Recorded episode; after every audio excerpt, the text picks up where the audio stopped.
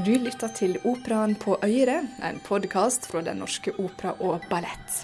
Jeg heter Camilla Yndestad, og i denne episoden skal vi bli bedre kjent med hovedpersonen i operaen Suor Angelica, sopranen Nina Gravrock. Hun er ei jente som um, da har fått et barn ja, Hun har jo fått et barn utenfor ekteskap, og vi har jo tenkt litt på om kanskje det var mannen til hun, eh, tanta hennes som faktisk gjorde henne gravid. Hun tanta som kommer seinere og er så fæl mot henne.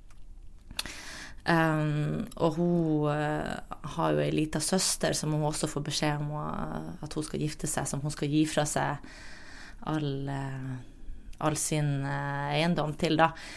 Um, men hun er jo, jeg vet ikke, kjærlig person, tenker jeg. Men hun har jo gått og tenkt på denne sønnen sin hver eneste dag. Og det er jeg hellig overbevist om. Hun jeg har jo en sorg i seg som hun bare ikke kan ta bort.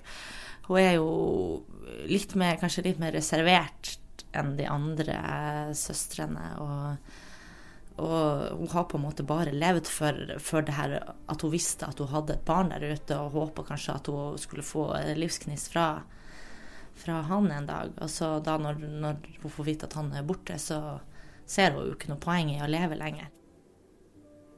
Det sier Nina Gravrock.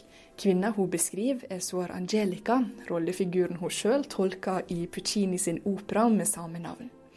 Nå er det bare dager igjen til premiere, og Nina har slått seg ned på en stol i garderoben. Det er kveldsprøve på scenen i dag, og det lange, mørke håret hennes skal snart ned i sminken og få ei anna frisyre. Jeg skal bare si det at når jeg fikk på meg den parykken for første gang, så ble jeg helt sånn der forfær. Altså, jeg ble sånn ja, litt sånn stum. Og jeg tenkte tilbake på de der som ble snøklipt under krigen, tyskertøsen og alt sånt. Jeg fikk det virkelig at det passa veldig godt, da. Så um, jeg føler at det å få på seg sminke, kostyme og hår eller parykk, det hjelper veldig for, for å liksom komme inn i rollen, da.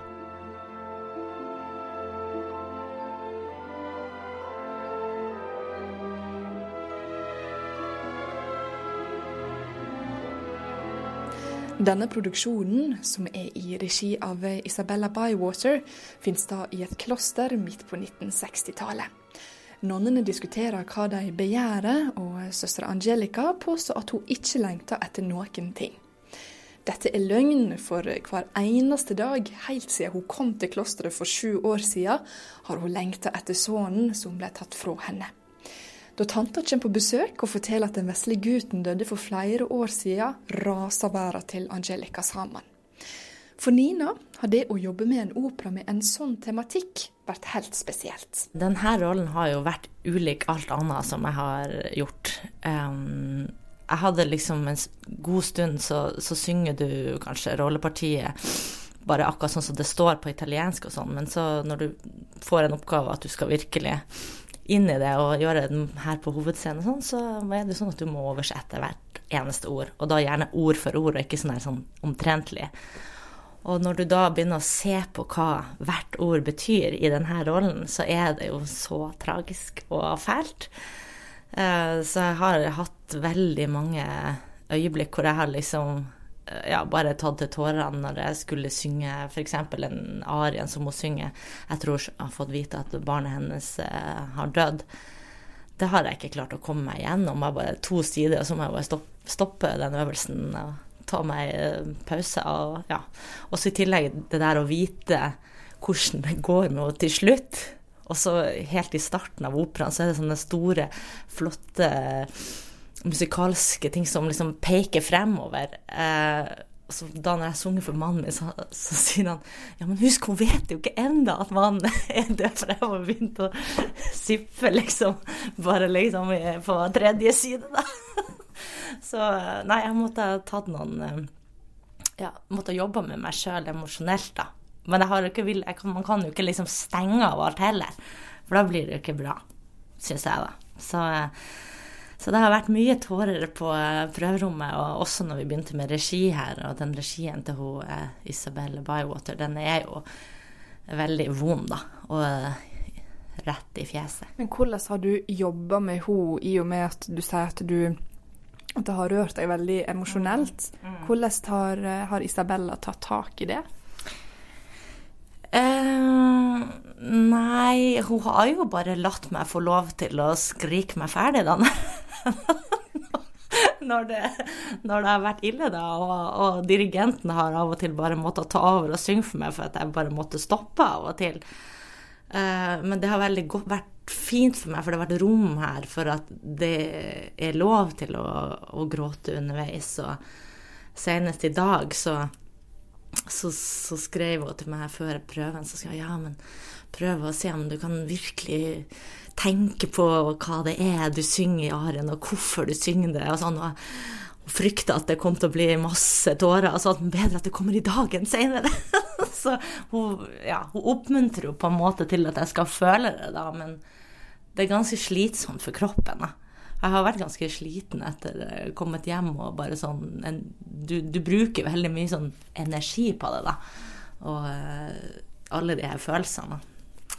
Så uh, Men jeg begynner å få det kontroll nå, altså. Så det, det, er jo, det er jo verst når du når du på en måte markerer for da er du så sånn sårbar uansett. Når du begynner å skal synge ut ordentlig opera, så må du jo på en måte stille opp instrumentet ditt, og du må tenke på overtoner og hvordan du skal gjøre ting teknisk. Også, sånn at da får, det blir automatisk en distanse til, til, det. Og på en måte så er jeg litt glad, glad for det. Ja. For jeg kan jo ikke begynne å skrike på scenen.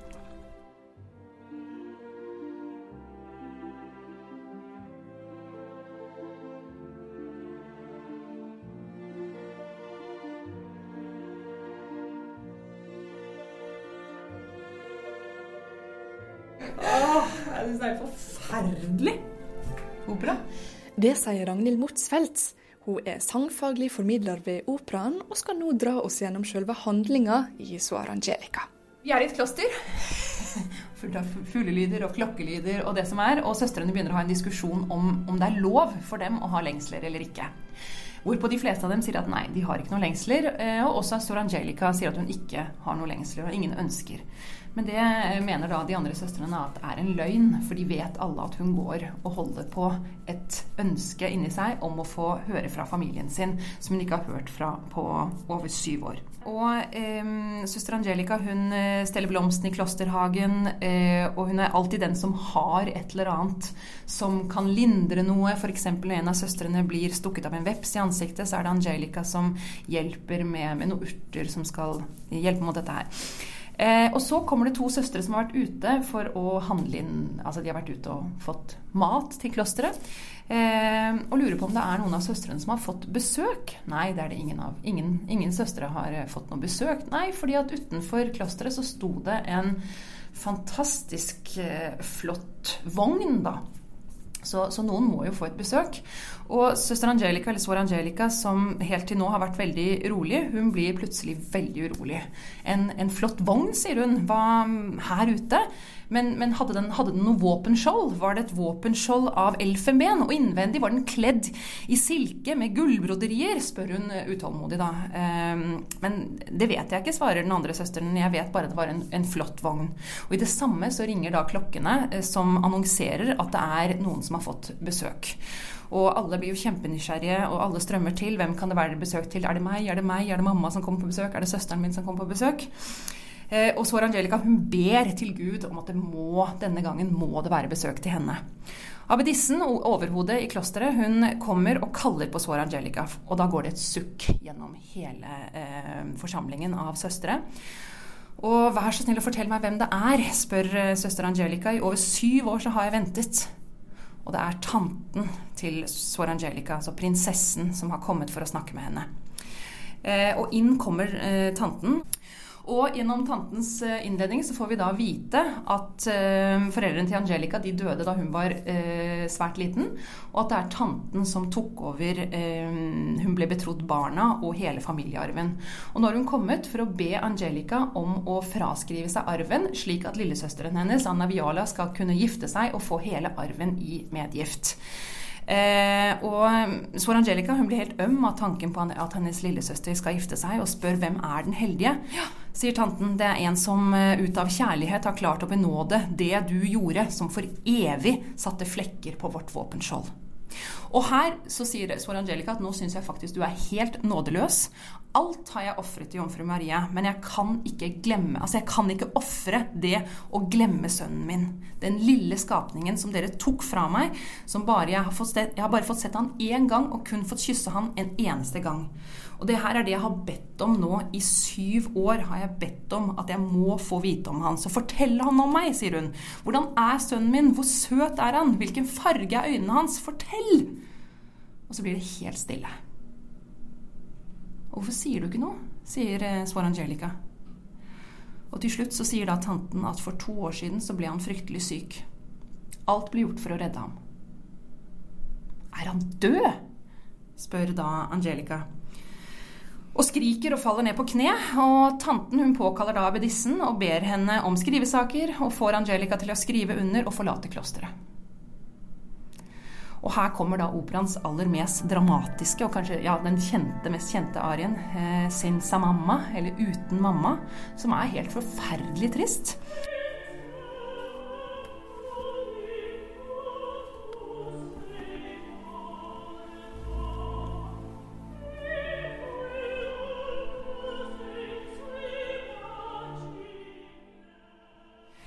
Uten mamma døde du, lille gutten min. Leppene dine ble kalde uten mine kyss. Du døde uten å vite hvor mye mammaen din elsker deg. Det er jo sånn at jeg nesten gråter hver gang jeg leser om dette her. Eh, og nå vil Angelica bare Hun vil bare dø for å møte igjen sønnen sin i, i himmelen. Så um, hun føler at han kaller på henne. Så hun, etter at alle har lagt seg om kvelden, så sniker hun seg ut av klosteret og finner eh, alle de giftigste plantene hun finner, eller urtene, ute i klosterhagen. Og koker de opp til en eh, giftdrikk som hun deretter drikker. For hun vil dø så fort som mulig for å kunne se sønnen igjen. Men med ett så går det da opp for henne at hun har gjort noe fryktelig galt. Eh, hun dør med en dødssynd, nemlig det å ha tatt sitt eget liv. Og det er jo den eneste dødssynden man ikke kan få tilgivelse for. Eh, for da er du jo Du må jo på en måte være i stand til å be om tilgivelse for dine synder. Og det er man ikke når man har tatt sitt eget liv.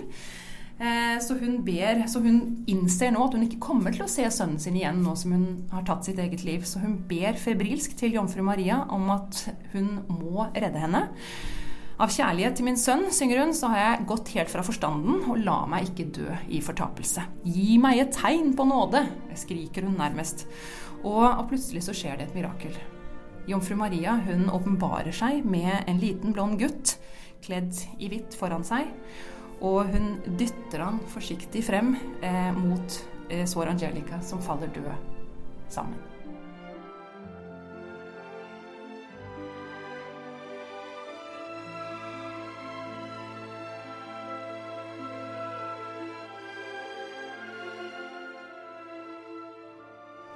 Tilbake i garderoben forteller Nina at regissøren bl.a. har latt seg inspirere av filmen The Magdalene Sisters fra 2002.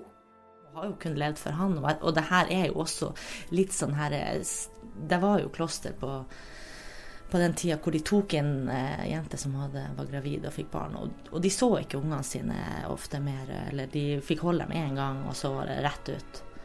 Og, og sånn som uh, hun Isabella har tenkt på det her, så er det jo at Hun har jo tenkt på de her, eh, den filmen som heter The Magdalene Sisters, hvor, hvor det var et sånt kloster hvor, hvor, de kom de her jentene, og de kunne komme fordi de bare ikke oppførte seg ordentlig, eller, eller fordi at de kom fra barnehjem og var fattige. Det var på en måte som et slags fengsel.